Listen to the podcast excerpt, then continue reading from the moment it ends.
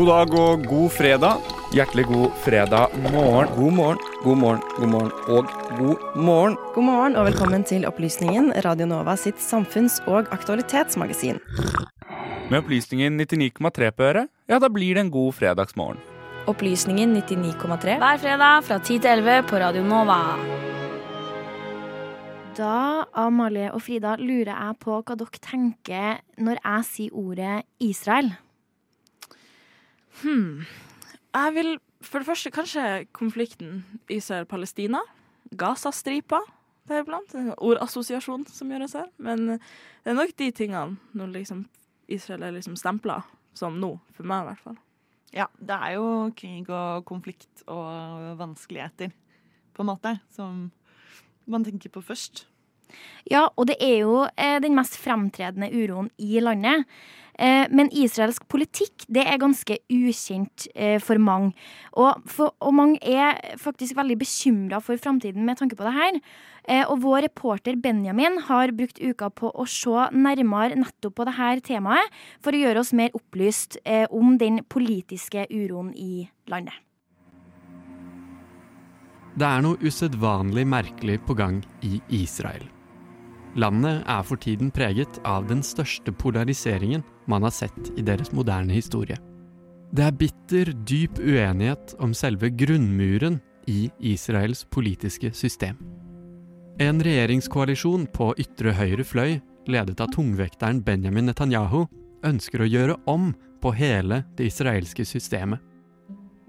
De planlegger å tvinge gjennom en kontroversiell, kneblende reform som fjerner makt fra Israels høyesterett og etterlater et vakuum, et tomrom som regjeringen ønsker å fylle selv.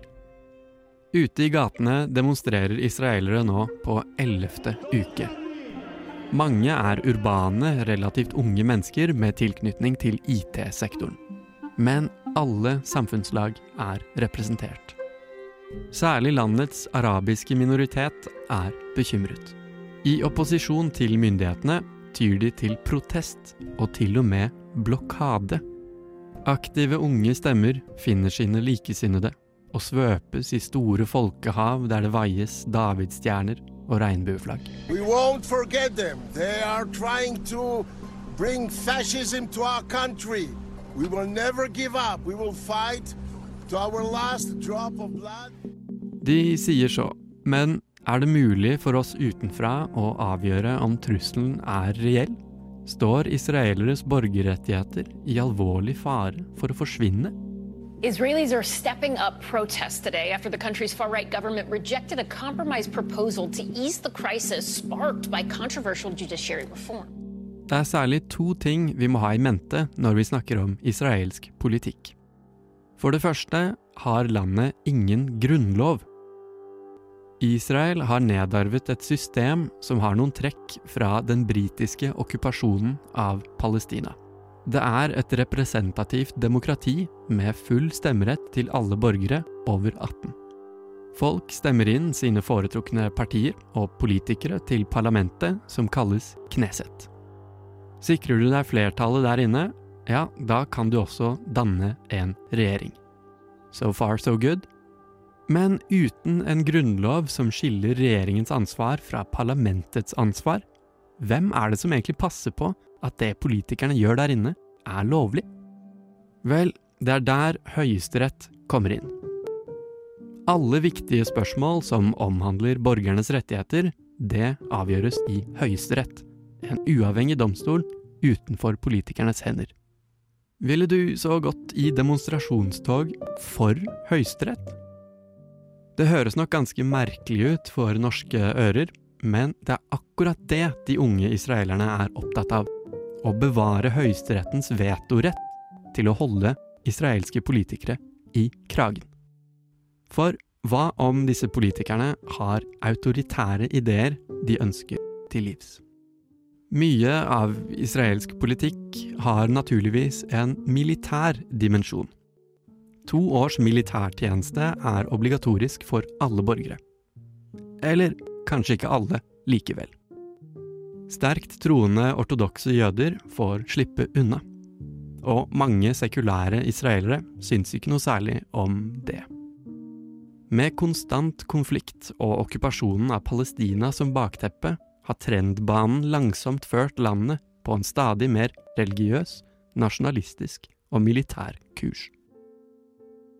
Vi skal faktisk helt tilbake til 1999 for å finne en folkevalgt statsminister fra venstresiden. En lang tradisjon er over. For de første åtte lederne i landets historie var det man kaller venstresionister. De var i sin tid noenlunde opptatt av å få til et fredsforlik med Israels palestinske naboer i øst. Alt endret seg i november 1995, da statsminister Yitzhak Rabin ble skutt og drept av en høyreradikal ekstremist. Progressive politikere som Rabin har over lengre sikt blitt marginalisert og mistet innflytelse. I et mangfoldig Israel, der sekulære og religiøse borgere havner på kant med hverandre, har venstrefløyen og sekulærliberale krefter i midten mistet sin appell blant en stadig mer ortodoks og konservativ velgermasse. Blant dem har ordet smål, altså venstre, blitt et slags hendig skjellsord man kan bruke for å avvæpne sine motstandere. Det er hos disse kreftene den konservative statsministeren Benjamin Netanyahu henter sin styrke. Fullstendig til tross for at Netanyahu er tiltalt for fire ulike korrupsjonssaker. Siden desember 2022 har han ledet den mest høyreorienterte nasjonalistiske regjeringen i landets historie. Of all Israelis, Jews, Arabs, left and right, come back. But if you want to be a dictatorship, stay there. Stay out of Israel. Beskyldningene om langsom fascisme har kanskje også blitt for mye for næringslivet. Det er utenlandske, særlig amerikanske virksomheter revurderer sitt forhold til Israel. Utenfor Israel er det altså noen varsellamper som har gått av. For demonstrantene på gata kan det være et lyspunkt å skimte. I Washington. USA er Israels aller viktigste partner på verdensbasis, og der sitter nok mange i Joe Bidens administrasjon ganske urolig. Med liberale Joe Biden ved makten spekuleres det i at han kan legge press på myndighetene i Israel ved å stenge pengesekken. Det hele er et spørsmålstegn som dingler i løse luften. Men demonstrantene venter ikke med å ta grep.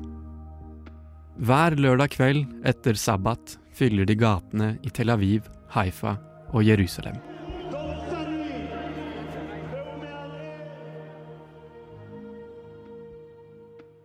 I saken var Benjamin Nortume, og lyd er henta fra NBC og Blue Dot Sessions.